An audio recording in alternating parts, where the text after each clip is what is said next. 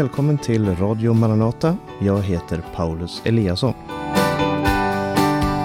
Idag så ska vi tala lite om de två bibliska böckerna Esra och Nehemja. Det är två historiska böcker och de historiska böckerna i Bibeln är väldigt intressanta för att de sällan förklarar eh, rent moraliskt var de själva står någonstans utan de vill öppna våra tankar och sinnen för att vi ska se ting så som Gud ser dem. Därför så kan eh, Ges från Nehemja vara en utmaning att läsa och jag ska ge i det här programmet några nycklar till att förstå Esra och Nehemja. Esron Nehemja, de två böckerna var från början en bok eh, så som de presenteras i de hebreiska skrifterna och även i den grekiska översättningen Septuaginta så hänger de ihop som en bok även om de naturligt faller ner i två eh, väldigt distinkta delar. Eh, det är kronologiskt sett så befinner sig Esra och Nehemja tillsammans med boken om Ester sist rent kronologiskt är det sista som händer i de historiska böckerna. Eh, men de är inte sist varken i den hebreiska texten, den hebreiska bibeln, så som de har delat in bibeln, eller i den indelningen som vi har som baserar sig på den grekiska översättningen av Gamla Testamentet. Indelningen alltså. Men i vår bibel så har vi indelat det här i två böcker och det kommer antagligen ifrån kyrkofadern Origenes som levde leder på ja, slutet på 100, början på 200-talet. Han skrev en del och var väldigt inflytelserik i kyrkan och den tidiga församlingen på 200-talet. Eh, och det här Hans sätt att dela in Bibeln togs upp senare av eh, Hieronymus, han som översatte Bibeln till latin. Och eh, det är därifrån vi har den här indelningen. Om man ska säga någonting om författare så har det generellt ansetts att, eh, som traditionellt i alla fall, att det är Esra som har skrivit båda de här böckerna. Andra menar att Esra och Nehemja skrev varsin bok. Andra menar att det kan vara en senare krönikör som ligger bakom då antagligen båda böckerna. Så det är en osäker historia för det står inte angivet i texten heller vem det är som har skrivit. När det gäller datum för boken så är den sista händelsen som skrivs om i Nehemja, det sker antagligen runt år 446 f.Kr. Så mest troligt så är boken skriven strax efter det, alltså mitten av 400-talet efter Kristus. Genren som det är skrivet i är narrativ, alltså en historia som berättas. Och det är tre historier i de här två böckerna eh, kop eh, kopplade till tre personer och de ska vi se närmare på. Eh, och det finns också många kopplingar mellan den, de här böckerna och krönikeböckerna. Kungaböckerna, vi vet att Samuelsböckerna, kungaböckerna och krönikeböckerna eh, berättar historien om hur Israel såg ut eh, under kungatiderna innan bortförandet till Babylon. Medan då eh, eh, Esra och Nehemja handlar om tiden då de kom tillbaka ifrån Babylon. Och tematiken här är en eh, stor tematik som finns i hela Bibeln, nämligen det som handlar om exil och återvändande, att komma tillbaka till det som Gud har tänkt och hur det fungerar. Om vi ska säga någonting om den historiska kontexten till Esra och Nehemja så handlar det om en del av historien om hur Gud önskar att bo ibland sitt folk. Det är en väldig drivkraft i den här berättelsen. Önskan ifrån Gud och ifrån folket att de ska ha en gemensam plats där de kan mötas och den platsen för Israel naturligt nog var Jerusalem. Men som situationen var då boken börjar, eh, Esra börjar, så hade Israels folk, judarna, varit fångar i Babylon i 70 år. 70 år hade man varit fångar och eh, eh, bortförda efter kung Nebukadnessar som kom och förstörde templet, förstörde Jerusalem och tog människor bort i fångenskap. Inte alla i Israel, men många av dem, framförallt de ledande. Eh, och i den här historien då i Esra och Nehemja så kommer de då människor tillbaka ifrån fångenskapen i Babylon och de bygger upp templet igen. De skapar en judisk identitet. De definier, försöker definiera vad det är att vara jude och de bygger också murarna runt Jerusalem. Så det är det den här berättelsen handlar om. Och frågan som de försöker besvara är varför har inte Gud välsignat det här templet med sin närvaro? Det är den bestående frågan som man har när man läser den här eh, texten. Och vi ska se nu lite på det här mönstret som jag talade om och de tre personerna i Esra och Nehemja.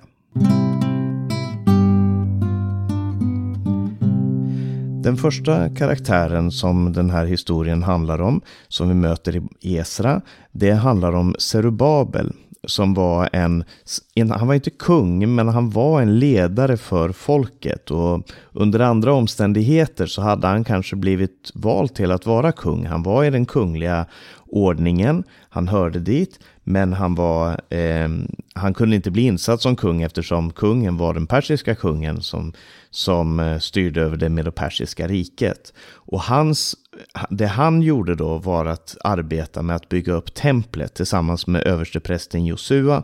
Så ville han bygga upp templet, det var hans stora projekt. Den andra karaktären det är Esra. Han kommer i andra delen av Esras bok. Och för Esra, han eh, ville upprätta gudslivet och den judiska identiteten. Och den tredje karaktären det är Nehemja som arbetade med muren. Och det som är mönstret i, den här, i alla de här tre historierna är först att de önskar en förändring.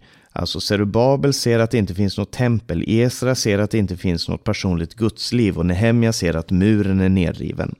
Sen så finns det en väldig entusiasm hos de här. De, de entusiasmerar folket för arbetet som ska göras. Eh, sen så möter de olika sorters motstånd. Eh, de bemöter det här motståndet och sen så resulterar det i ett antiklimax.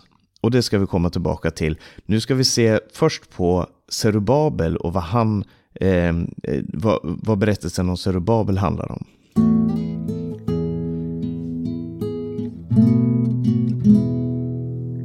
Så den persiska kungen han lät folket vända tillbaka efter att han hade besegrat Babylon som hade en mycket striktare inställning till, till religiös eh, mångfald. Så kommer kungen i, i eh, Medopersien och han har ett mycket öppnare förhållande. Han tycker att folk ska få bygga sina tempel och så vidare. Och han ger det här budet att alla de judar som vill Eh, Eh, de ska få vända tillbaka. Och man börjar bygga, kommer tillbaka till Jerusalem och börjar bygga templet. Man lägger grunden för templet. Och de, de, de i folket som hade sett och hört om det förra templet, de som hade sett det som skedde 70 år tidigare, eller de som hade hört om dess storhet, de såg att det här nya templet som man byggde var mycket mindre, var mycket mindre härligt. Alltså det förra var byggt av Salomo och det var fantastiskt, det var storslaget. Även fast det var övergivet under långa tider så var man väldigt stolta över det templet som man hade där i Jerusalem. Men nu börjar man bygga det här nya templet och man sörjer eh, över att det inte är lika stort. Och sen så möter man mycket motstånd eh, och det gör att det här arbetet stannar upp i många år. Och en nyckel till att förstå den här texten det är att också läsa profeterna Haggai och Sakarja. Därför att i Esra så står det att profeterna Haggai och Sakarja de kom dit och uppmuntrade folket att fortsätta arbeta. Uppmuntrade Serubabel och Josua och uppmuntrade folket att de skulle Eh, komma tillbaka till arbetet med templet. Så om du vill förstå Esra och Nehemja så läs dem också parallellt med profeterna Haggai och Sakarja. Och, men än en gång så möter de motgång, eller de, möter, de konfronteras med det folket som eh, finns där i, i, Israel. Och det handlar om folk som bodde i landet och som inte hade gått i exil tidigare när, när Israels folk Eh, och ju, de här judarna fördes bort i exil i Babylon så var det en del som stannade kvar. Eh, och de här hade gift sig med dels med, med judar och israeliter men också med kvinnor från andra länder runt omkring och de hade en viss religionssynkretism. Och det som var problemet med, med det här, för att eh, det Zerubabel gör, är att han säger att nej, ni har ingen del i vårt arbete, ni har ingen del i vår eh, eh, gudstjänst. Eh, och det som var problemet med det var att profeterna som hade talat innan och under fångenskapen hade sagt att Gud önskade att templet skulle bli, bli ett bönens hus för alla folk. Men Zerubabel säger nej, vi ska för oss själva med varandra bygga upp det här templet, vilket man kan förstå. Eh, därför att han vill inte ha någon religionssynkretism och det är ju hedervärt och det är sant. Men samtidigt så, så, fanns, så frågar man sig själv, borde det inte ha skötts på ett annat sätt? Borde man inte ha gjort det här på ett annat sätt? Och så är också det stora, som jag sa, det resulterade i antiklimax. Och i den här berättelsen så är antiklimax det att när templet var färdigt så, så kom inte Herrens härlighet in i det här nya templet. I de tidigare templen så hade man upplevt det att Herrens härlighet hade brutit in och kommit, slagit ner i templet med, i form av en eld som hade eh, bränt offren på altaret. Det skedde både med tabernaklet och med Salomos tempel, men det hände inte nu. Och det är den första delen. Nästa del handlar om Esra.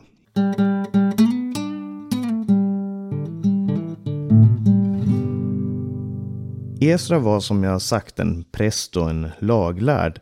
Eh, och i Babylon så grundlades det som vi i Nya Testamentet känner till som skriftlärda. Och vi kan absolut säga att Esra var en av de här skriftlärda.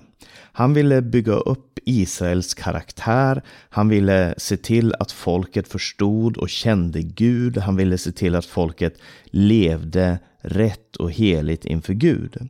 Eh, och, men så när han kommer till Israel och, och börjar tala till folket där så, så är, kommer det människor till honom och säger vad ska vi göra med alla de här som lever i de här blandäktenskapen eh, och som också har tagit upp traditioner och, och ritualer och sånt ifrån andra religioner.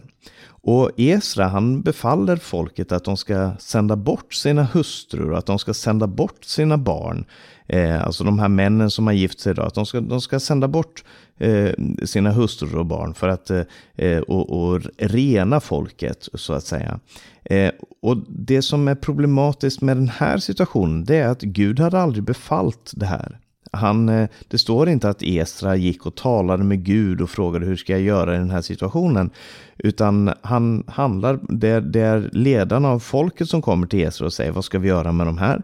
Och han handlar utifrån det han själv menar är en korrekt förståelse av, eh, av skriften. För att Eh, Eh, i Moseböckerna så står det att eh, Israels folk skulle inte blanda sig med andra folk. Men det handlade framför allt om deras andliga uppblandning, alltså att de inte skulle ta emot de här traditionerna, eh, religionerna, synkretismen med andra religioner. Frågan är ju än en gång, kunde man ha löst det här på ett annat sätt? Och det det resulterar i är att en del väljer att skilja sig från sina hustrur, sänder bort dem, de, de skiljer sig. Medan andra då säger att nej, det kan vi inte göra, det, det är omöjligt. Eh, och Gud har också sagt, jag hatar skilsmässa, säger Herren. Det säger Gud till en profet samtidigt, eh, som är samtida med den här, de här händelserna. Eh, och de som då lämnar eh, Esra och, och, Jerusalem, de bosätter sig i Samarien och de blir grundlaget för det vi i Nya Testamentet känner till som samarier eller samaritaner.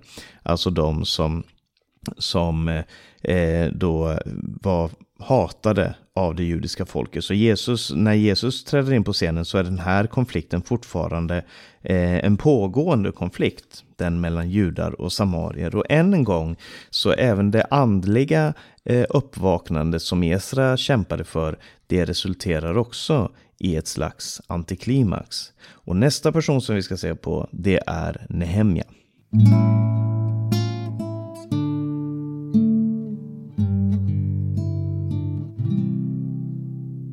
Nehemja han arbetade för den persiska kungen och han önskade att bygga en mur i Jerusalem. En natt så reste han till Jerusalem. Han tog turen från, från eh, eh, det persiska riket ända till Jerusalem och han såg där hur Jerusalems murar var nedbrutna och han såg att de hade ingen, inget skydd. Templet stod där, folk bodde där, men det fanns inget försvar emot främmande makter och därför så blev de hunsade, de blev, de blev eh, utsatta för våld och, och, motgång och så vidare.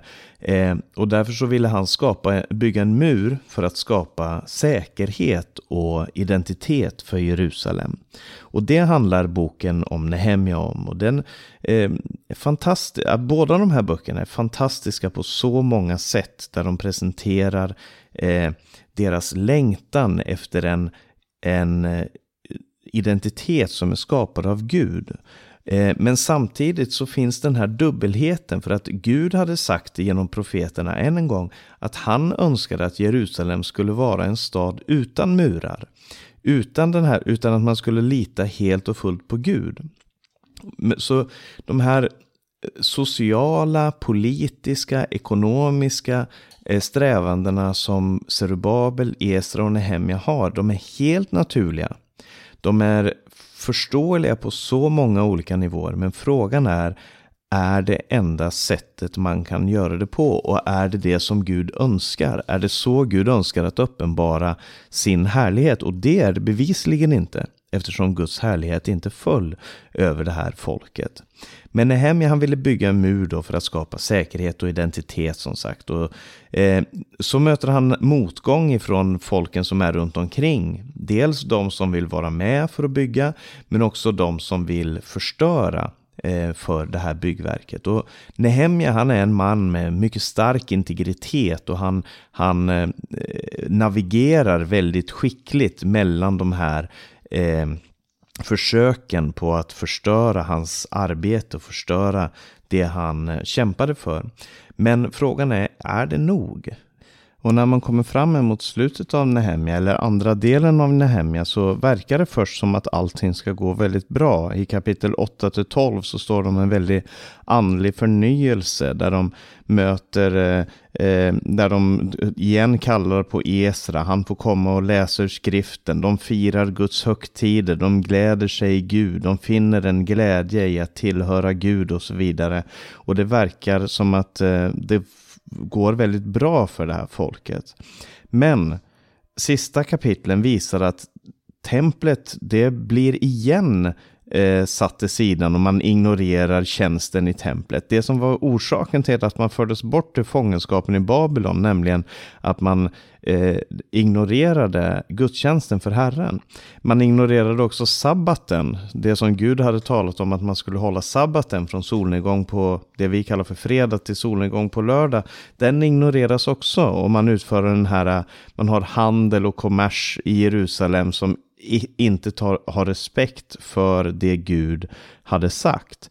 Eh, och det här är någonting som vi möter i Jesu liv också, där han går in i templet och river eh, de här månglarnas bord och, och, och eh, reagerar på att man gör Herrens hus till någonting annat. Och den sista delen av Nehemja handlar om just det här, hur Nehemja går runt i staden och ser att man förorenar, man ignorerar, man faller tillbaka i de mönster som gjorde att man blev tagna till fånga. Och, och, han är desperat mot slutet av boken. Han river och sliter i folk, han ropar, skriker, är upprörd. Och så slutar det här eh, den här boken med orden Kom ihåg Herre att jag försökte. Se till, alltså, se att jag, jag, har verkligen, jag har verkligen försökt göra någonting för dig. Han, han säger så här i, i slutet av Nehemja. Tänk på dem, min Gud. Eh, sista versen, sista, detta, eh, sista delen av den, står det Tänk på detta, min Gud, mig till godo. Eh, han, han försökte rena folket, han försökte göra så gott han kunde. Och frågan är, när man har läst den här, de här två böckerna och sett de här tre karaktärerna som verkligen har en nitälskan för Gud, de vill någonting för Gud, så är frågan, är det nog? Eller behövs det något mer? Är, men den här tematiken om en man som ställer sig i bräschen för och som får folket med sig på, eh, för att leva för Gud. Den tematiken den kommer tillbaka i Nya Testamentet och vi ska se på några kopplingar mellan, es, mellan Esra Nehemja och Jesus.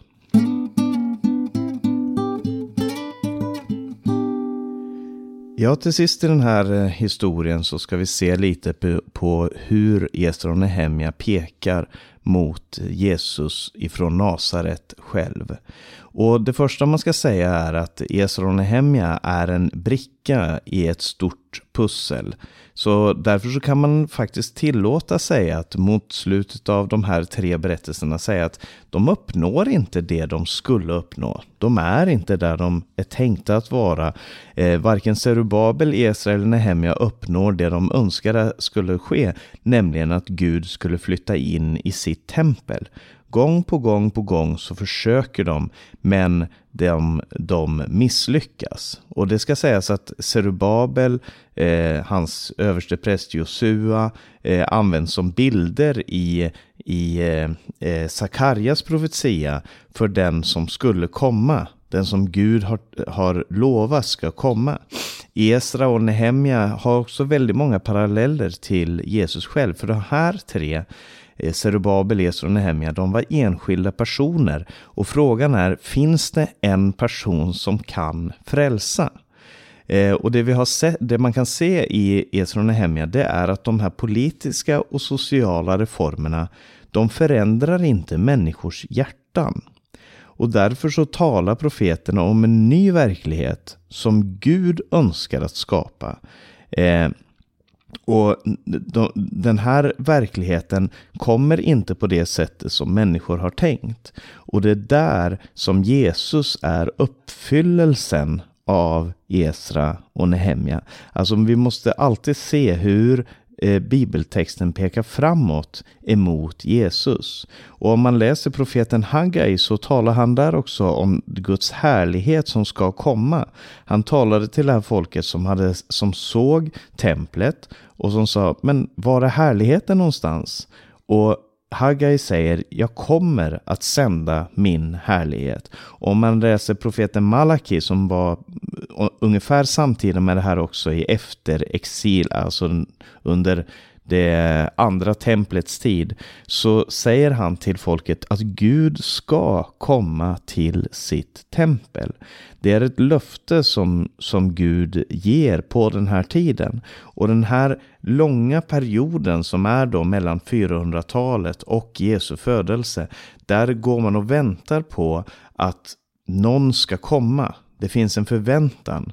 Eh, och den förväntan, den, för det, det som skedde med Zerubabel, Esra och Nehemja, det väntar man ska uppenbaras i Guds Messias. Zerubabel var inte den Messias man väntade på. Esra var inte den prästen som man väntade på. Nehemja var inte den ledaren, den nya Mose. Han hade för mycket att kämpa med. Även fast han hade goda intentioner så uppnådde han inte det som var tanken.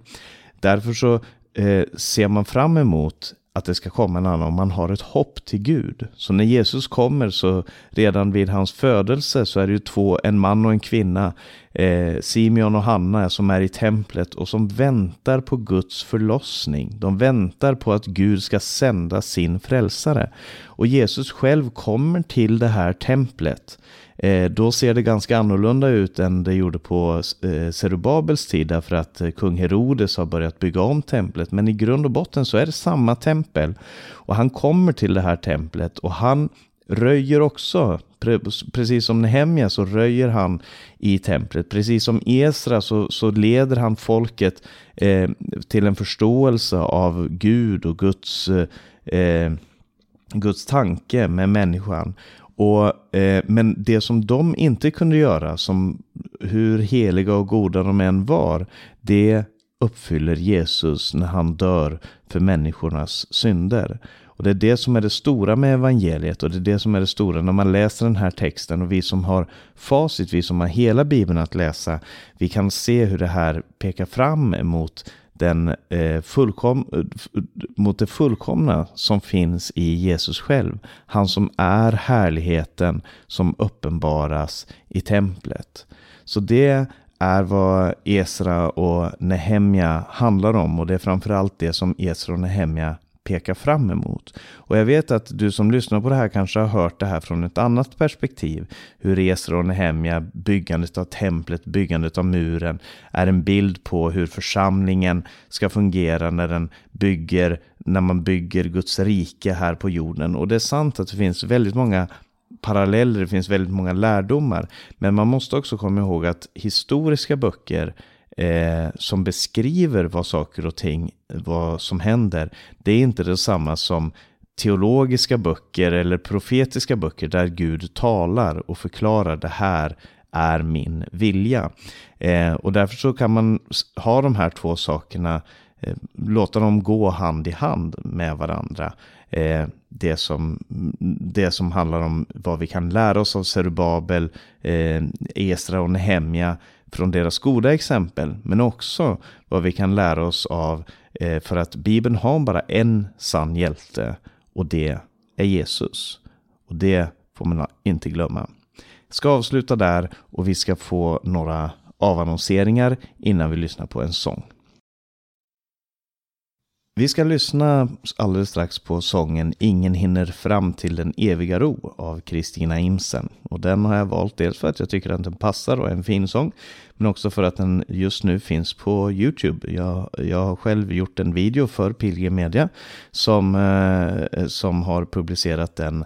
Och du kan gärna gå in och kika på den. Det är Eh, om du söker på Ingen hinner fram till den eviga ro av Kristina Imsen på YouTube så ser du den videon och det är samma sång som den du ska få höra strax. Men först så ska vi ha lite information om Radio Maranata. Du har lyssnat till ett program från Radio Maranata Stockholm med mig Paulus Eliasson. Vi sänder över Stockholms närradio 88 MHz. Och de här programmen läggs också ut som podcaster. Och du kan finna dem var, vilken podcastleverantör du än använder. Du kan också läsa eller ladda ner dem ifrån vår hemsida maranata.se. Om du har några frågor eller kommentarer omkring det här programmet så kan du skicka en e-post till info.maranata.se eller du kan ringa 070-201 60 20. Du får gärna gå in på vår hemsida maranata.se där du kan höra programmen och se Radio Maranatas övriga sändningstider. Så önskar jag att du ska sprida Guds välsignelse till alla du känner och så hörs vi igen om en vecka.